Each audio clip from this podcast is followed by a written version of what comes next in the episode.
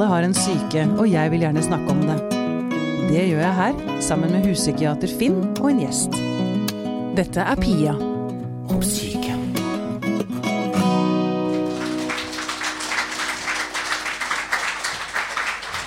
Kjære huspsykiateren vår, kjære Finn. Jeg tror du må få mikken din litt nærmere deg. Du, Finn, du har jo vært i dette sykegamet en stund. Jeg starta Pia og syke nå for ja, tre år siden. Du har holdt på ganske mye lenger. Når du ser tilbake på din tid innenfor psykiatrien og uh, psyken, hvordan vil du si at åpenheten har endret seg? Jeg regner med at alle kan være enige om at det er mye mer åpent i dag enn det var på Eller når begynte du, forresten? Det var vel rett etter krigen, tror jeg. Ja. Mm, ja. Riktignok Vietnamkrigen. Ja. Ja, okay. ja, det er greit. Nei, jeg begynte å klippe plenen på Sanderud sjukehus i 1979. Ja. ja. 79. ja. Men vel å merke plenen. Ja. Klippe psyken begynte du med senere? To år etterpå. Ja. To år etterpå. Ja. Du har holdt på en stund, med andre ord. Altså, du har liksom sett uh, ja 35 år har jeg jobba i psykiatrien. Ja. ja, For det har skjedd ganske mye med åpenheten på de årene der? ja, det er jo formidabelt, det som har skjedd. Og det skal vi snakke om. fordi at som lege da, så er vi jo veldig opptatt av at alle ting har bivirkninger òg. Altså, det er jo god og dårlig åpenhet. Eh, men dette er jo også ikke bare før. Dette er jo innlandet. Altså, dette er ikke utlandet, dette er innlandet i Norge. Mm. Der er man kanskje litt ekstra taus òg. Ekstra? Tause. Altså, slik at det er voldsomt, det som har skjedd. Altså, det er mange TV-programmer som Peder har vært involvert i, som var utenkelige for en del år tilbake. Eh, og dette må vi bare prise. Eh, akkurat nå bor jeg ved et annet psykiatrisk sykehus. Jeg bor oppe ved Gaustad. Det er jo ikke tilfeldig at det i 1855 ble lagt langt oppe i skogen. Altså, Langt unna folk? man la folk nær frisk luft, sa de. Men de la det jo også da slik at ingen slapp å møte dem. Ja, Det skulle, man skulle skjule dem fra resten av samfunnet? ja og den tabuseringa av sykdom eh, har jo vært voldsom. Og det er jo ikke bare psykiatri. altså for, utenover privat. altså Min mor fikk kreft, og det ville ikke far min fortelle til slekta, for det var pinlig å være syk. Altså, og, dette er vår tid. Ja. Ja. Og dette her er jo den gode åpenheten. Altså, det, gjør gode godt, ja. det gjør oss godt å snakke om ting. Og gjesten vår er en av dem som virkelig har bidratt til å åpne opp. Velkommen hit, Peder Kjøs. Takk for det. Du, ehm, jeg mot meg på TV og Hos Peder på radio eller podkast. Aller først må jeg spørre Vil du si at Hos Peder-podkasten er en større suksess enn Pia og psyken? Eller? Ja, veldig intrikat spørsmål. Nei, jeg tenker vi, gjør litt forskjellige ting. Det vi er, eh, jeg tenker jo at Pia psyken har jo et, et sånn type informasjonsaspekt ved seg, da, mens hos Peder er jo mer på eh, prosess. Vi prøver å vise fram en terapiprosess da, og hvordan den kan se ut innenfra, og sånn sett åpne terapirommet, men uten egentlig å liksom gi så mye info eller forklare så veldig mye. Da. Så jeg tenker vel mer at det er to uh, podkaster som utfyller hverandre veldig fint. Veldig si. bra. Det er veldig bra vi er der begge to. Alle, alle tre.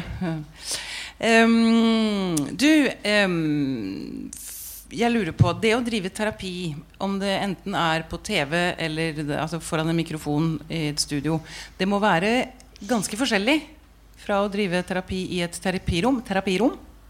Ja, det som egentlig overraska meg litt, er hvor lite forskjellig det egentlig er.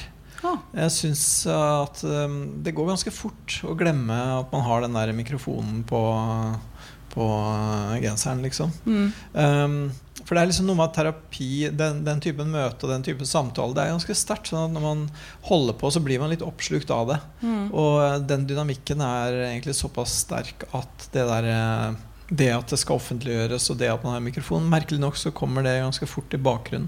Ja. Både for meg og for, eh, og for de jeg snakker med. Ja, Men er det steder du velger å ikke gå fordi du vet at det skal offentliggjøres? Nei, det, sånn slipper jeg heldigvis å tenke, for da ville det blitt veldig vanskelig. Hvis det var sånn, Vi må ikke snakke om det og det, fordi da blir det komplisert. Men dette skal jo klippes, ikke sant? Mm. Uh, og det skal også godkjennes av uh, klienten. Og alle som blir nevnt, skal informeres og sånn. Så det er ganske mye presseetikk rundt det. Så derfor så har vi egentlig bare snakka i vei. Peis, peis, på. Peise på. Og så klippe bort det som er for sensitivt eller komplisert og vanskelig. Ja. Uh, så det høres jo ikke sånn ut, fordi at de som har klippa det, er veldig flinke. Da. Så derfor så har de klart å ivareta prosessen, men likevel ta bort en god del ting da, som, um, ja, som av presseetiske grunner rett og slett ikke lar seg publisere. Da. Mm. Um, det at du har laget disse seriene har jo bidratt til en større åpenhet. Har du noen eksempler på det? Altså er det for eksempel, vet man om, Er det flere som har søkt seg til terapi takket være disse to seriene? Det er vanskelig å vite. vet du. Ja. Sånne ting er jo egentlig ganske umulig å måle. Men jeg får mye tilbakemeldinger om det. da. Mm. Det er eh, ganske mange som uh, melder og henvender seg på forskjellig vis.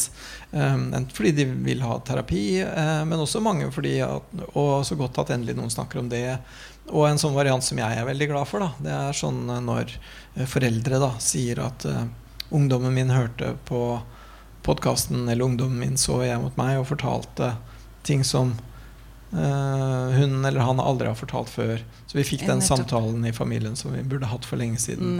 Det er, sånn, det er, sånn, som jeg blir veldig glad for. da ja. Og så er jeg litt glad for Det er jo også veldig mange psykologer jeg møter, da som sier uh, at, at, de har sett på programmet og hørt på podkasten, og at de driver sånn Ja, men Peder sier at Og sånn, ikke sant. Så jeg ser jo at de, noen av dem noen av de psykologene og terapeutene er litt sånn småsjalu, og det gleder jeg meg litt over. Ah, du, du er blitt en litt sånn pop-psykolog? Jeg har blitt litt poppsykolog. Ja, det, men, men, det er jo litt sånn Det blir jo sånn. Når det blir offentlig, så blir det jo sånn. Ja. Uansett om det er bra eller dårlig, egentlig. Pluss at vanlige terapeuter har jo ikke den fordelen at de får klippa bort uh, uh, alle blinde spora sine. Alt, av slurv og uoppmerksomhet og ting som ikke går så bra, det kan vi bare klippe bort. Ja, nettopp. Men hvordan er det å være en sånn offentlig terapeut? da? Får du, får du pepper fra andre terapeut, terapeuter? Ikke, ikke, mye, altså. Nei. Veldig lite. Og det er uh, nesten alle psykologer jeg møter, spør om det. At, og er det ikke mange psykologer som er strenge? Og, mm. og, men det er det egentlig ikke. Altså. Jeg er egentlig litt overraska sjøl over hvor uh, rause og vennlig innstilt da, ja. Eh, terapeutbransjen har vært.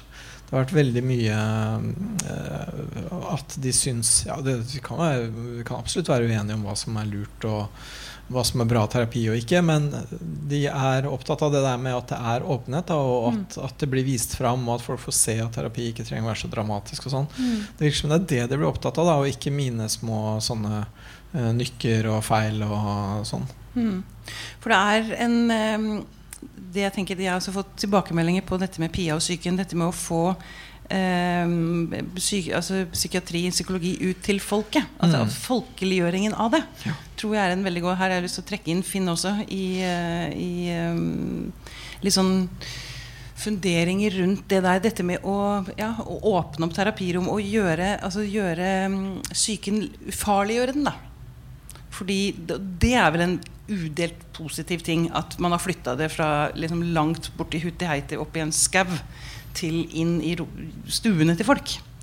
Altså Definitivt. Men jeg tror også øh, det er forskjellige måter å snakke om det på, Pia. Altså En ting er åpenheten rundt det, som i seg selv er kjempeviktig. Altså at noen går foran, det være seg øh, klienter, pasienter, brukere eller Peder. Mm. Eh, og brøyte vei, på en måte. Så da kan andre gå i det sporet. Mm. En helt annen ting er jo Det de stiller med, er jo stort sett språk. Altså De kommer jo med fortellinger.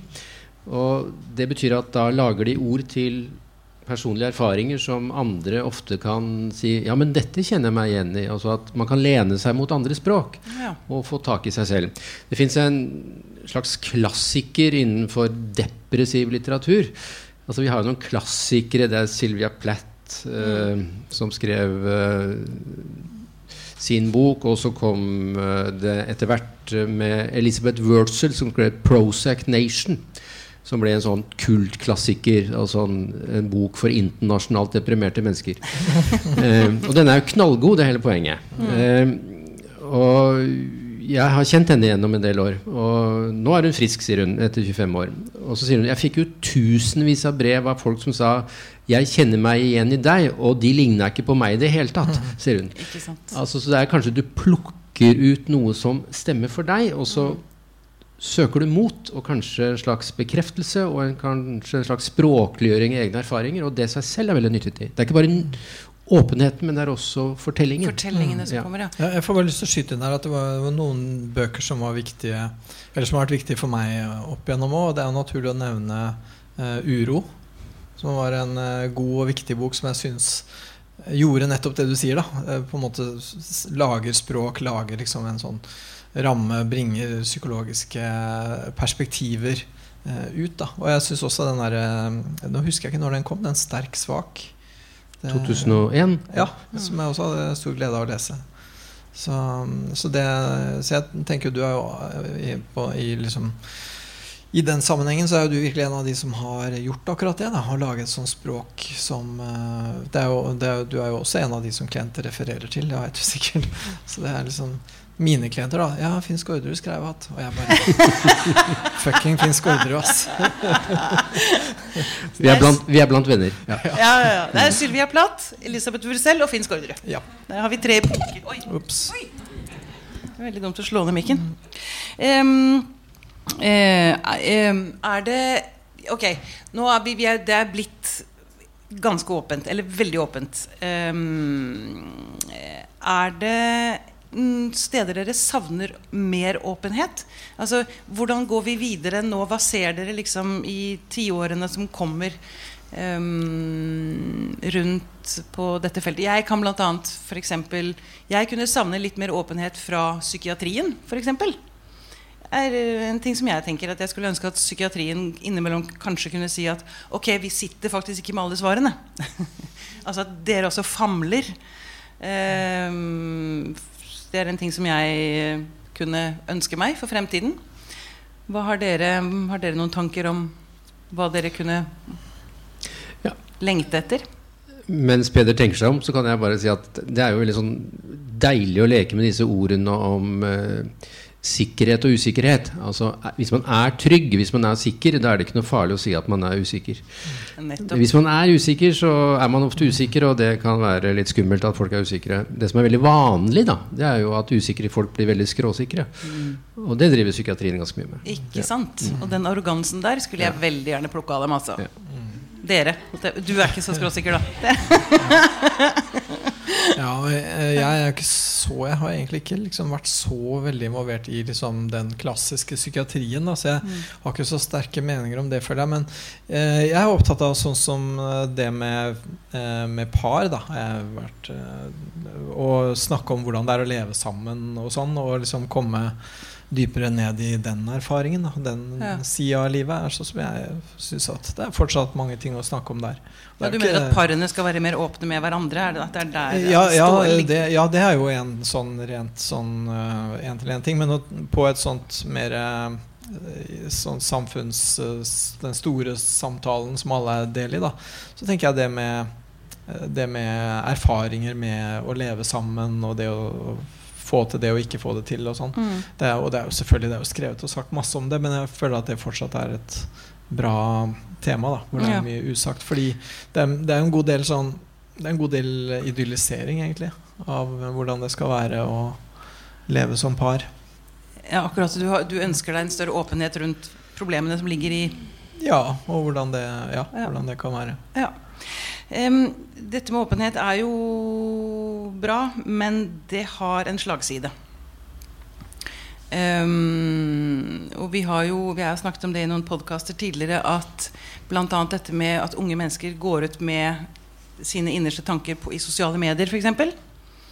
Uh, det kan fort gjøre dem ganske vondt. Um, hva slags tanker har dere om den skyggesiden av åpenhet? Rundt åpenheten? Eh, ja, nei, jeg tenkte det er, jo, det er jo helt riktig som du sier, at det er nok mange som i et litt inspirert øyeblikk er veldig uh, åpne, og så lar ikke den boksen seg lukke igjen. Mm. Og for mange så er det en god erfaring, en god opplevelse, og sånn, og for andre så er det ikke så bra. Og det er også egentlig litt viktig å snakke om. At uh, Det er jo ikke sånn at ting løser seg eller blir så innmari ålreit bare fordi du er åpen om det. Du, får, du, kan få støtte og anerkjennelse, og sånn, men du kan også få helt motsatte reaksjoner. ikke sant? Mm. Um, og uh, det som først er sagt, det er jo nå ute uh, for alltid. Og Mm. går alltid an å, å spore, liksom. Mm. Så, så det er lurt å tenke en runde eller to før man bretter ut hele livshistorien, tenker jeg. Mm. Men på den annen side da, så er det så mange som gjør det at det blir også veldig normalisert. Det er liksom ikke så sjokkerende. Eh, hvis noen forteller at de eh, Ja, før da så var det sånn der eh, komme ut av skapet-historier, ikke sant. Jeg tror at det har blitt annerledes. Jeg tror at det har blitt lettere fordi at det har blitt så normalt. da Sånn at det er liksom Å ja, ok, enda en som kommer ut av skapet. Eller ok, enda en som uh, føler at uh, hendene er født i feil kropp. Eller å ja, enda en som har opplevd å bli slått Går inflasjon i det, liksom? Det, Nei, det går ikke inflasjon, det går jo normalisering. Det går at, at det blir ikke noe sjokkverdi lenger. da det blir, Og det tror jeg er veldig bra. det er bra. Det er ja, At det blir sånn at liksom Å ja, du òg? Ok, Ja. fint. Hei, Velkommen hit, liksom. Mm, nettopp. Heller enn at jeg skal være sånn Å, hørte dere hva hun sa? Mm. Eh, som jeg tenker sånn i, i, Da jeg var ung, liksom, på 80-tallet, så var det jo sånn Hvis en eller annen ble oppdaga i å være, ha gått til psykolog, eller være homo, eller ha foreldre som ble skilt, eller et eller annet, så er det stor snakkis denne uka, liksom. Mm. Og sånn tror jeg faktisk ikke det er så mye lenger. Altså. Jeg tror det der har forandra seg veldig. Mm. Ja, kanskje. Eh, Jeg traff en dame fra, jeg må bare nevne det, jeg traff en dame fra, jeg tror hun var fra Argentina som var så sjokkert over at for hun sa til syklubben sin at nå skulle hun til psykologen, og så ble alle helt stille. Å ja. Eh, og så sa hun herregud, det er jo helt vanlig. Mm. Eh, der hvor jeg kommer fra, så er, driver jo alle og snakker om hva slags psykologi Hva slags psykolog går du til, hvilken retning bruker du, liksom. Ja, Så hun syntes det var veldig veldig lukket i Norge, da. Mm, Det en liten parentes, Ja, ja. men eh, folk har sikkert forskjellig erfaring med det, men jeg, jeg vet ikke. Jeg tror, jeg tror i hvert fall at sånn jevnt over var verre før. Men, men det, er sikkert, det er sikkert mange miljøer hvor det fortsatt er sånn. Det er jo deler av Buenos Aires som heter Freud City. Nei, Villa, Villa, Villa Freud heter det. Ja. Villa Freud. Så dette er jo kulturelle ting. Så Ja. det, nei, men det er jo Jeg syns alltid det er interessant å prøve å lage komplekse svar på enkle spørsmål. Veldig, veldig, Ja. Setter stor pris på det. Eh, dels så er det jo forskjell på folk. Altså, det er jo en trend at vi blir åpnere. Det betyr ikke at alle blir åpnere. Eh, det er mange som er påfallende lukket om ting vi nesten skulle vente å være mye mer åpne om. Altså legning, f.eks. En annen ting er at i forhold til psykisk helse så er det jo forskjell på diagnoser. Altså det er klart at eh, Åpenheten om at jeg er schizofren, er en litt annen enn den at jeg fikk angst før jeg skulle gå på den røde løperen. Um, em, så det er håper jeg, mange måter å nyansere dette på. Jeg tror at uh, hvis vi snakker om uheldige effekter, muligvis, da, så er det jo å huske på at veldig mye i vår kultur blir til omsettelige varer.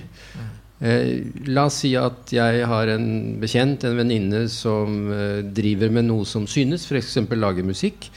Og så blir hun intervjuet av et eh, medieorgan som heter Prikk Prikk.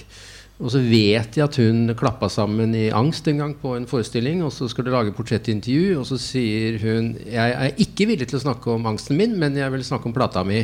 Og så sier de da dropper vi det. Um, så plutselig så blir det også en kommersiell vare. At du skyver på en måte eh, krisen din, du kryver liden foran deg, og så plutselig er det det folk vil ha, og så kommer alle disse intervjuene. Og det er right, men plutselig så blir det noe som er mer enn åpenhet. Det blir en form for eh, handelsprodukt. Man må, Ja, mm, ja. man må ha det for å kunne selge produktet sitt. Ja. Ja, jeg, jeg tror ikke man må ha det, men, men det er, trenger slett ikke være noen ulempe. i hvert fall. Men, og det der tenker jeg vel har noe med veldig At vi har en veldig interesse for den enkelte og for individet og for det subjektive da, eh, nå. Eh, det er eh, personen. Det er jo et veldig personfokus og individfokus, liksom. Og da tar man jo tak i et eller annet da, som er spesielt med den personen. Og den, der, eh, den tunge tiden-narrativet, det, det er jo alltid veldig sånn greit å gå til, liksom. Mm. Så Men eh, også altså, ehm, skyggesiden um, Dette med at det er en forskjell på å være åpen Du sa det i sted, Finn. Det er en forskjell på å være åpen og lekke. Kan ikke du Ja, altså Åpenhet og lekkasje er ikke det samme. For det er nyanseringer her. Altså det er, Ja, altså Dels kan man tenke da, si, medialt. eh, For 30 år siden, tror jeg, eh, fortsatt etter Vietnamkrigen, eh, så var det et sånt TV-program som var en banebrytende i USA. Ricky Lake Show eller noe sånt. Og de tok incestofre opp, og de spilte seg ut foran publikum, og store seerantall, eh, ektefeller som krangla, sloss på scenen. Eh, under overskriften 'åpenhet'. Og liksom, er det åpenhet, eller er det lekkasje? Altså blir det en form for grenseløshet. eh, og litt sånn som Peder sier, altså hvordan har de det etterpå? Og noen har det kanskje helt ålreit etterpå, for andre så er ikke dette så ålreit. Jeg synes at det gode ordet åpenhet for meg, det handler om åpenhet i trygge nok rom. Og noen er så trygge at uh, direktesending er et trygt rom. For andre så er det et forferdelig rom. Eh, noen er så åpne at noen nesten skulle ha sagt prøv å være litt mindre åpen. Eh, fordi at grenseløsheten kan være deres problem i mange sammenhenger. Og så blir det også en grenseløshet som, på en de, som blir heftende ved dem. Så det er noe med hvilket rom er ganske viktig. Og Peder og jeg representerer jo terapeutiske rom, og i utgangspunktet så bør det være det tryggeste av alle, fordi det der er taushetsplikt. Og så Neste etappe har jeg veldig sans for, nettopp at vi åpner de terapeutiske rommene, men da mer som pedagogiske erfaringer. Altså, Ja. Sånn kan et sånn rom virke. Sånn kan vi snakke. Eh, slik at ikke bare terapeuter har liksom eh, monopolet på hva som egentlig skjer der, men at andre kan få en idé om hva som skjer. Og det er veldig interessant at veldig mye av det folk opplever i terapi, er jo noe helt annet enn det vi terapeuter tror. Det fins en stor amerikansk psykiater, Irvin Gjærlom, som er forbilledlig, for han skriver romaner også. Eh, og han hadde en gang en eh, forfatter i terapi. Eh, hun hadde ikke fått ut noen bøker, så hun var blakk, så hun hadde ikke råd til å gå i terapi hos han. Men da tenkte han ja, men da kan du få gå gratis eh, hvis du og jeg blir enige om at etter hver sesjon så skal vi begge skrive notater. Og så møtes vi en gang i måneden og sammenligner notater. Og hva som har skjedd. Og så Irvin Gjerlems kone redigerte dette. Så dette er en bok, den fins på norsk. Eh, som er hans terapi og hennes terapi. De var jo ikke i samme terapi, da. Det er interessant. Eh, for han sitter og sier ja, nå følte jeg at jeg sa noe klokt, og nå kom jeg med en intervensjon, og nå traff jeg noe dypt her. Mens eh, hun skriver eh, Jeg ble så glad da han kommenterte håret mitt.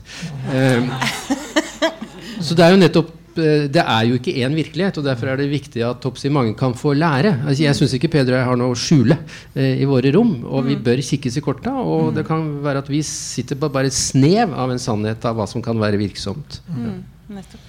Jeg har, jo, jeg har jo i og for seg aldri angra på at jeg har vært åpen om min bipolaritet, men jeg kan innimellom bli litt sånn lei av at eh, alt jeg gjør og er, kan fort tolkes inn i den sannheten. Det må jeg innrømme at det er en ting som jeg Det er for meg en skyggeside av åpenheten. Kan dere si noe klokt om det? Jeg skal ikke si noe klokt om det, men det tenker jeg det skjer. eh, For det blir jo liksom Da blir jo det en slags fortolkningsramme, da. Som alt, alt blir jo satt inn i det. Og det, ja, det tenker jeg nok at uh, er vanskelig å unngå, egentlig. Særlig hvis man er litt sånn offentlig person, da, kanskje. Men uh, ja. Uh, jeg vet ikke om det um, jeg, vet, jeg holdt på å si Jeg vet ikke hva folk hengte ting av det du gjorde på før. Ja. Hva de Nei. Nei, det er sant. Men da var det liksom Nå, nå, nå kan det fort vekk være litt sånn eh, Oi, oi, oi, Pia, nå er, du litt, nå er det litt mye energi, kanskje. Må, ro, Ja. må du roe deg ned litt? Grann? Men har de rett, da, eller? Eh, Ikke alltid. Ikke alltid. Nei. Noen ganger absolutt. absolutt. Mm. Men uh, ja. Um, ok. Nei, men jeg tenker jo at da snakker jo du om noe diagnostisk. Altså Bipolar er jo en diagnose. Og disse diagnosene er jo i dag laget som sånn tilsynelatende ryddige kategorier. Altså det er lett å putte ting inn, og så har du fire av seks, så er du i kategori. Eh, og det er klart at da Allerede der innskrenker vi tenkningen. Eh, en diagnose er jo opprinnelig laget for å gjøre noe med prognose. Altså Diagnosis er gresk, betyr gjennom erkjennelse, og så skal vi da gi den rette kurs, så at prognosen skal bli bedre. Men her brukes den jo ikke i kurativ hensikt. de bruker for å kategorisere folk og omtale folk. En annen diagnose som er relevant i, hos arrangøren vår i dag, det er jo spiseforstyrrelser. Og jeg må innrømme at jeg av og til reflekterer veldig mye om når jenter, gutter, foreldre spør ja, bør hun stå fram i klassa eller bør han stå fram i klassa om det og det.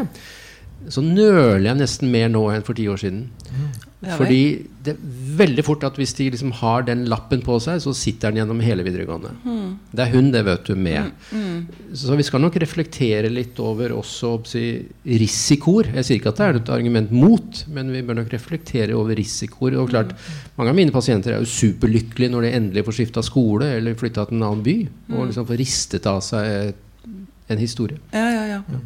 Og for å fortsette litt med dette med som du, altså spiseforstyrrelser, det er jo uh, arrangøren vår eh, Jeg tenker ofte når jeg leser Jeg leste forordet ditt igjen til eh, Anorektisk, boken til Ingeborg Senneset.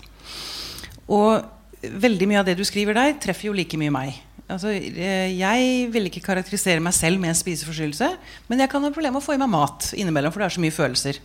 Og så tenker jeg disse diagnosene Det kan fort sette oss i sånne skott som gjør at vi, altså Jeg tenker at uansett hva slags nesten diagnose du har, om det er selvskading, spiseforstyrrelse, bipolaritet, angst, depresjon Det handler jo om livssmerte, alt sammen.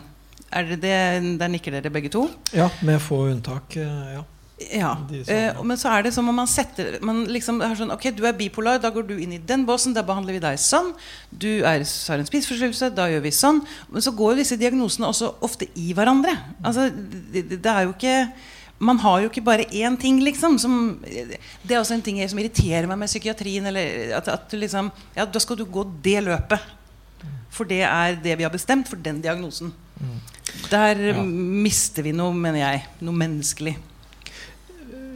Bare for å, å si, svare på det på én måte, er at jeg vet ikke om det er det verste med psykiatrien. Det er nesten det verste med Helsedepartementet. Ja, Helsedepartementet. det er- Jeg la det på feil eh, Nei, eh, psykiatrien er jo sånn altså at uh, har du det sånn, skal du i brakke A. Har du sånn, skal du i brakke B. Eh, det er det jo en viss grad vett i. Altså at i- Ideelt sett så møter man eksperter eh, som er gode på noe og er gode på å møte det, og andre er bedre på andre ting. Noen er bedre på rus, og noen er bedre på spiseforstyrrelser, og noen er bedre på stemningslidelser. Eh, men vi har en offentlig styring som drar mer og mer. altså Kvalifiserer du for den type depresjon, så får du tolv timer for det. er du sånn? Altså Hele pakkedebatten. Dette er nok en av grunnene til at folk nå drar mot privatpraksis. Ikke minst mange dyktige psykologer i Norge. Vi har hatt en psykologeksplosjon. Psykolog var jo nærmest en diagnose for 30 år siden.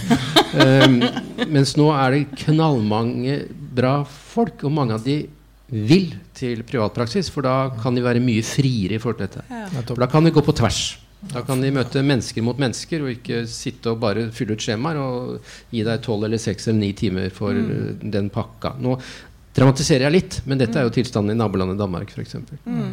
Men det burde jo være sånn i helsevesenet også. Altså, når, når det blir altså, en, en spiseforstyrrelse som blir så alvorlig at man må legges inn, f.eks., da er du jo si, låst til det Helsedirektoratet bestemmer.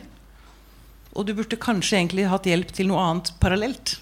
Ja, bare for å være det, da. Hvis, altså, det er mange grunner til at man legges inn i et sykehus eller et døgntilbud for en spiseforstyrrelse. Men da er det jo nesten regel at da er spiseforstyrrelsen bare én blant mange problemer du har. Og av og til ikke alltid den viktigste heller. Og ikke alvorligste. Nei.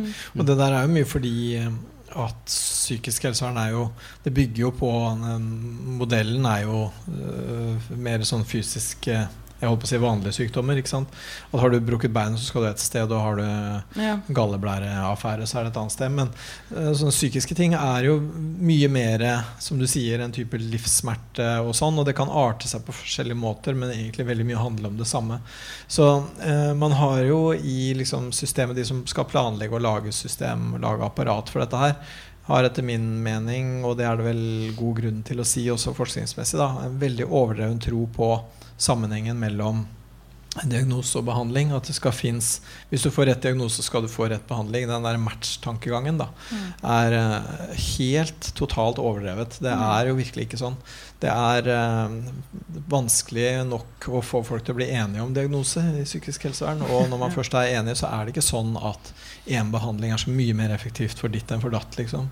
Uh, sånn er det bare ikke. Uh, og det er jo mye vanskeligere å lage et uh, offentlig system da, når det ikke er sånn. når det mer handler om livssmerte og mer sånne At akkurat om det ble akkurat selvskading, eller om det ble akkurat spiseforstyrrelse eller akkurat depresjon, det, og som regel kanskje alle sammen, så, så, er hele bildet mye større og mye videre, og da kan du ikke jobbe så spesialisert da, som eh, man fra mer byråkratisk hold forutsetter. Mm. Mm.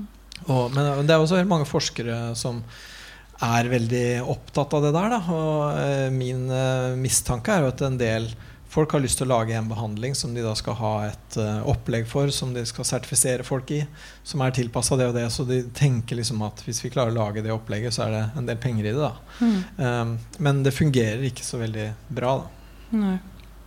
Du, jeg har lyst til å spørre deg om en ting, Finn, som du skrev i eh, forholdet til anorektisk. Um, du skriver at anoreksiens spesielle angst eter kroppen også.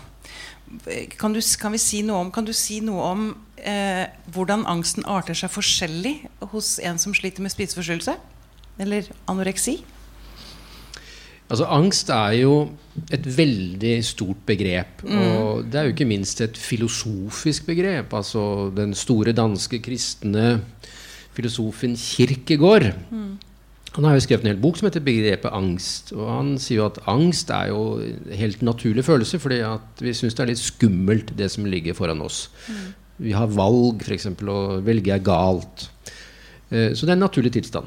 Nei, eksistensiell angst. Men så snakker vi om den jeg, sykelige angsten.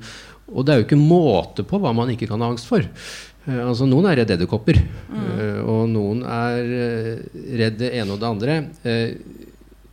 Spiseforstyrrelser er og spiseforstyrrelsens historie har jo ofte handlet om anoreksi, for det var på en måte den første diagnostiserte tilstanden. Eh, det er jo ofte et ytre drama om mat, vekt, kropp, sult. Og så blir det det man ser. Hvis man håper, blir kjent med mange av disse menneskene, så er vel ingen av dem som ikke på en eller annen måte er redde. Altså hvis vi, Apropos diagnoser. Altså Bent Høie har sagt det er forbudt å bruke spiseforstyrrelse som diagnose i Norge. Putt dem et annet sted. Da ville nok de fleste putte dem i angst. Og da er det angsten for maten, det er angsten for fedmen, det er angsten for forandringen. Det er angsten for å bli voksen, det er angsten for ikke å lykkes, det er angsten for at du tenker dårlig om meg.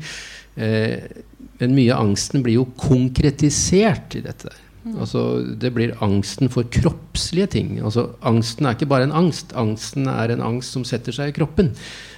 Og da eter den sjelen. Eh, formuleringen min handler om at det fantes en fantastisk tysk filmskaper som het Fassbinder. Som laget en utrolig film som heter 'Angsten eter sjelen'. Den spiser opp sjelen. Lystig tittel, det der. Ja, og det er en fantastisk film. Og da sa jeg ja, men den eter kroppen også. Ja. Mm. ja. Jeg tenker at uh, En annen ting som jeg, som jeg, kjenner meg veldig godt igjen i, da er altså En ting er å ikke unne seg den nødvendige næringen som kroppen trenger for å leve. Men det, det, jeg tenker at dette sprer seg vel utover også til å ikke unne seg kjærlighet, ikke unne seg si, venner, ikke unne seg et liv, ikke unne seg penger, liksom. Altså det, det, er jo ja, Det er ting jeg kan kjenne meg igjen i. Altså, det er mange måter å uh, sulte seg på. Ikke bare kroppslig.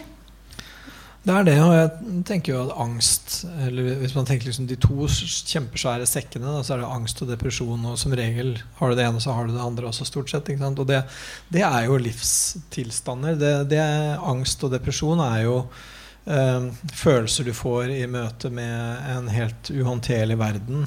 Mm. Eh, lille meg og storverden. Ikke sant? Mm. Eh, og den som ikke får angst, og som ikke blir nedfor i møte med verden, er jo et underlig menneske. Eh, men så er det da noen som får en angst og blir så nedfor og blir så satt ut at det ikke får til å fungere. Da, og det, der tenker jeg det er en lang lang skala. da, Fra de som på en måte syns at verden er skummel, til de som overhodet ikke håndterer verden i det hele tatt. Mm. Eh, og nøyaktig når er det det blir sykdom, liksom. Og der må man liksom ha et eller annet slags innslagspunkt. Og det er der jeg egentlig syns at hele den diagnostikk eh, blir problematisk. Da. Mm. At, at, jeg tenker det er på en måte normale fenomener, men i unormal mengde, da, for det meste. Ja. Eh, og også når man ikke unner seg maten, f.eks., så er jo det eh, det er vel på et vis en normaltilstand, men noen har da den i en sånn grad at de sulter, og noen dør. ikke sant? Så da er det jo klart. Men når er det det blir sykdom? Jeg vet ikke. Det er, jeg syns ikke det er eh, jeg syns egentlig ikke det spørsmålet er så veldig interessant. Nei, jeg tenker heller også Syk og frisk er noe en ting, men når man tenker at man, jeg har det ikke bra i livet mitt For å være litt sånn akademisk så sier man da at det fins kategoriale modeller, altså en kategori. F.eks. bipolar er en kategori. Mm. Bulimi er en kategori. Og så fins det dimensjonale modeller. Jeg har mer eller mindre av det. Og mye av helsevesenet vårt bruker kategoriene, mens Peder og jeg liker dimensjonene. altså vi sklir frem og Det tilbake er privatpraksis versus offentlig. Privatpraksis versus offentlig. Ja. Jeg var litt bekymret som ung lege for at jeg skulle glemme somatikken. Jeg er veldig glad i å være doktor, og særlig å sy. Synes jeg. Å fjerne føflekker er jeg veldig glad i. okay. Noe som har en kniv. På nachspiel. Ja. Så jeg kjørte legevakt i mange år. eh, I helger. eh, Og det gjorde jeg i Østerdalen, hvor jeg kom fra. Så fredag til mandag så var det legevaktkjøring. Hvor jeg sydde og fjerna føflekker og gjorde mye annet rart. Eh, en natt så ringer det en mann og sier 'Nå må du komme', sier han. Det er en far. Ja. Dette er midt på natta, og det er, det er seks mil å kjøre, for dette er langt inn i skogen. Han, er alltid Han har alt mener vært nervøs, sier han. Men nå er han overnervøs. Og kommer du til nå, så blir han gæren. Eh, på en måte så er det, Det er litt- også nok. på en måte da. Det er en dimensjonal tenkning. Altså, alt vært nervøs, men så nå er det litt for mye av det. Men nå kan det bikke. Ikke sant? Og da, da setter man seg i bilen og kjører. Ja. Nettopp. Du, em, Peder, du har jo bokbadet Ingeborg Senneset en del. Noen ganger, ja. Noen ganger, ganger mange, ma- Hvor mange ganger er det blitt? Vet ikke, sju-åtte ganger eller noe sånt. Ja, og, og litt over hele landet. Litt over hele landet, ja. Ja. Hva slags reaksjoner har dere fått? Um, jeg vil si for det meste entusiastiske uh, reaksjoner. Og det, det er på en måte Man vinner jo litt, for folk har betalt for å komme og høre på, så de vet jo hva de får, og de liker det. Men, um, men det har vært mange uh, jeg, jeg tenker, når, når vi har snakka om den boka, for den boka er jo veldig veldig nær, den er veldig veldig tett på hennes liv. Det er jo dagboknotater. ikke sant? Riktignok er de sortert, og det aller meste av det hun har skrevet i dagbøkene sine, er jo ikke med, men den er likevel veldig veldig nær. Og derfor så reagerer jo folk som når de får høre noe veldig nært fra en person som virkelig eh, byr på eh, og viser seg fram. Da.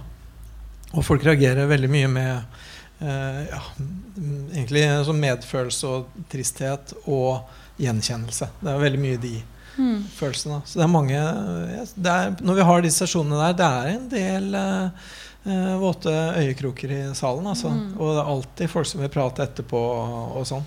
Så, så ja, folk har virkelig tatt imot den boka. Men hun eh, har jo også gått ganske langt da, i å være åpen. Ja. Hvem Det er et dumt spørsmål, men jeg har tenkt å stille det likevel. Hvem tror dere den boken er viktigst for andre som sliter med det samme, eller for helsearbeidere? Um, den leses vel i praksis mest av folk som er mer personlig berørt, eh, tror jeg. Uten at jeg egentlig liksom Det kan godt hende forlaget vet bedre, men jeg vil tro det. At den appellerer på det menneskelige planet, liksom. Og så syns jo jeg selvfølgelig at uh, også de som jobber med dette her, burde lese den og andre lignende ting. Fordi at de personlige historiene blir alltid noe litt annet enn de faglige. Jeg tenker at det må gi en veldig bra innsikt. Ja, men jeg tenker nok at for mange som jobber med dette her, så er det sånn at når du sitter og hører den typen historier hele dagen, så har du ikke lyst til å lese den typen historier når du kommer hjem, liksom, og det skjønner jeg på en måte. Mm. Men, men eh, jeg tenker likevel at sånn på en måte case-historier da, er en bra måte å lære på da, for mm. helsepersonell. Mm. Så, men jeg, jeg må si jeg kan skjønne de som heller går hjem og ser på Westworld. Altså. Det er litt lettere. Ja, ikke vet jeg, jeg har aldri sett Westworld. Ikke jeg heller, men jeg regna med det.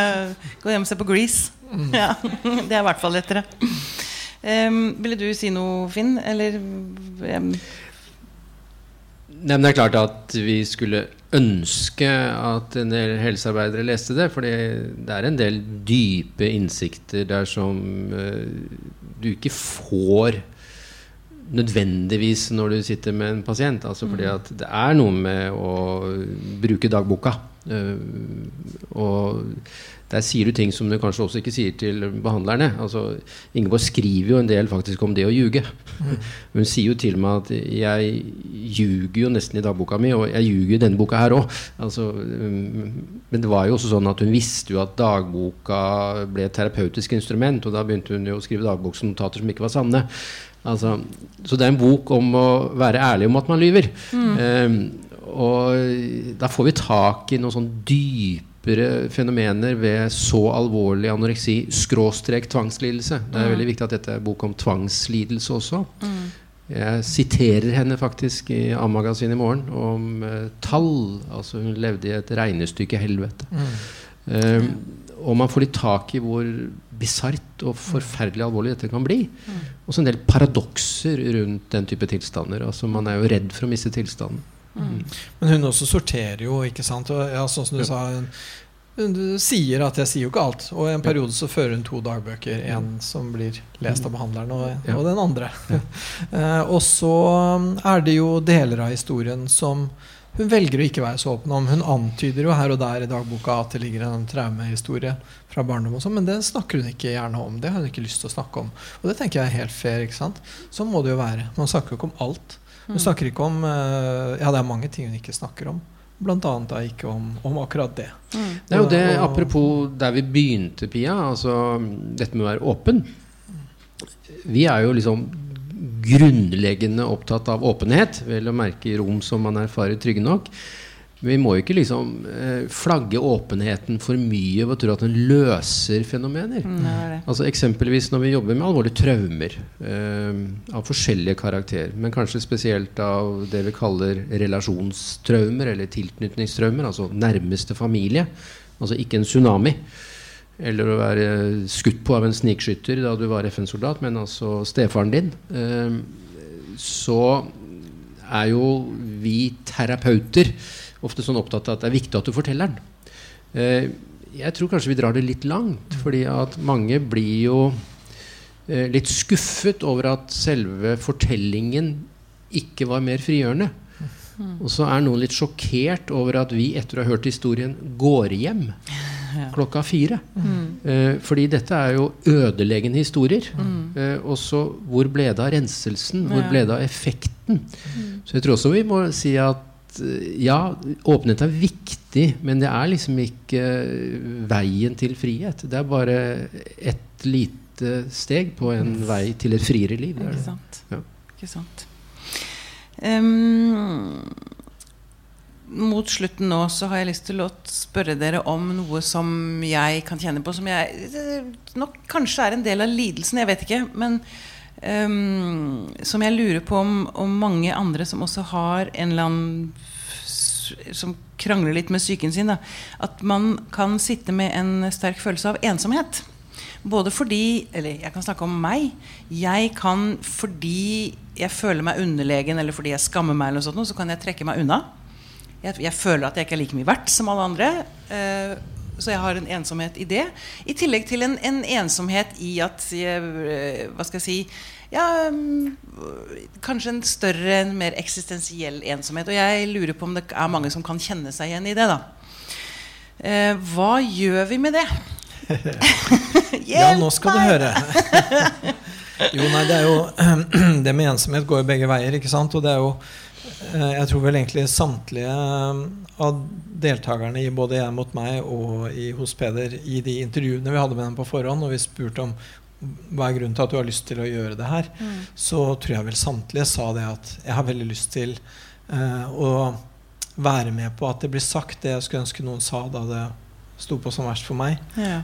At uh, jeg skulle ønske da jeg var 18, så skulle jeg ønske at noen på 20 hadde fortalt meg disse tinga. Mm. Så de har lyst til på en måte å eh, eh, på en måte lirke andre ut av deres ensomhet. Da, I den ensomheten som ligger i å tro at du er den eneste i verden som har det sånn. fordi når du er ung, så tror du egentlig at uh, verden er ny, og at det er du som har oppdaga den. egentlig. Um, og det å få vite hvordan det har vært for de som har gått før, det er jo en vei ut av ensomhet. Og så jeg tenker på for min egen del da jeg var sånn 16-17 år og begynte å oppdage litteraturen. Og begynte å lese romaner og sånne ting. Mm.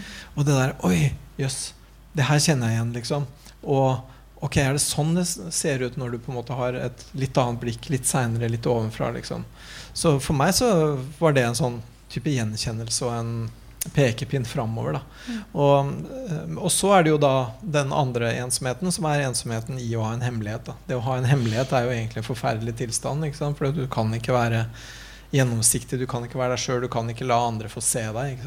En sånn ting som jeg har vært veldig fascinert av, er det der med forbrytere som tilstår. Selv om når de tilstår, så kan jo det fort føre til at de får strengere straff. Fordi at de forteller mer da, enn det de allerede er dømt for. Liksom. Uh, og uh, for mange av dem så er det sånn at det er enda verre at det er hemmelig. Det, det, at jeg gjorde det, det at jeg gjorde sånn Det å gå og bære på det aleine, det er så skrekkelig at det er bedre å ta noen år ekstra. For å slippe den byrden. For å slippe å gå med det aleine. Liksom. Og det er jo fascinerende. Mm. Uh, at, at, man på en måte sånn sett kan gå imot et sett av interesser for et annet sett av interesser som handler om fellesskap, da, som handler om det å ha felles verden med andre mennesker. Mm. Som vi mennesker er helt avhengige av. Vi kan ikke leve på noen annen måte enn å leve i hverandres verdener. Liksom. Mm. Så ensomhet jeg tenker ensomhet er, ensomhet er jo også den mest forferdelige straffen. Det å bli isolert er jo den verste straffen man kan få, egentlig. Mm.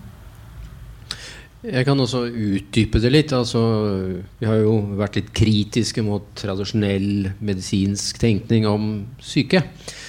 Eh, fordi da blir det fort medisinske fenomener. En annen måte å si det på er at enhver form for psykisk smerte eh, skader forhold.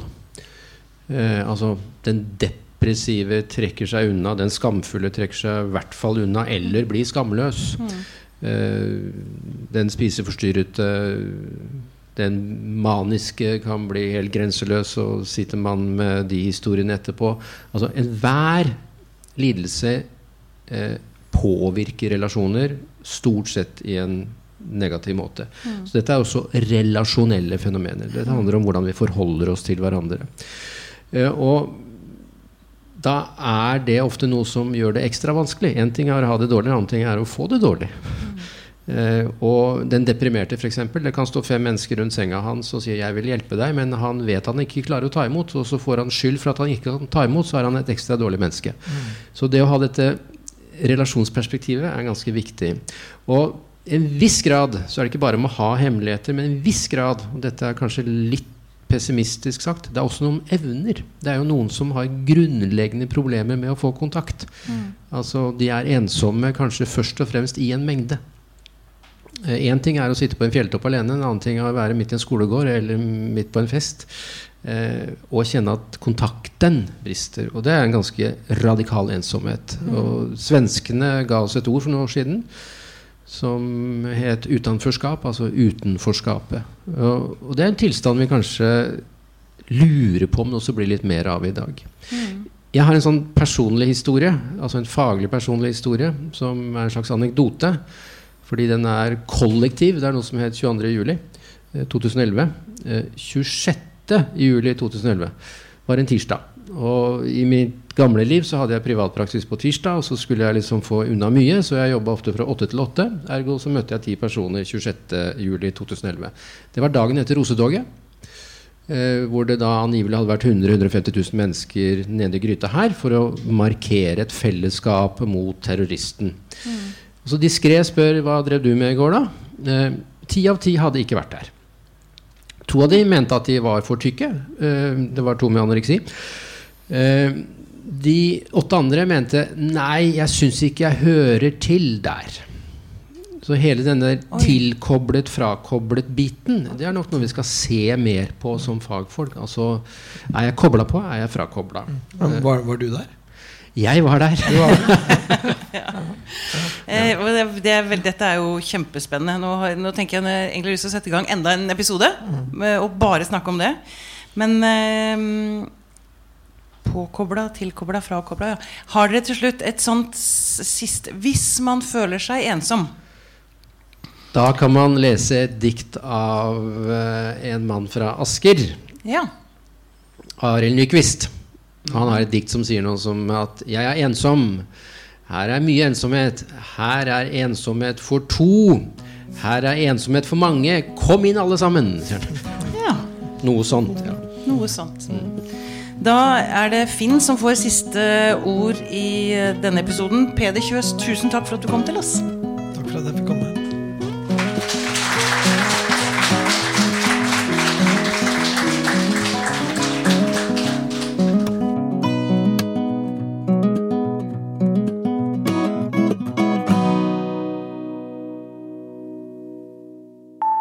Podkasten er produsert av Tid og Lyst.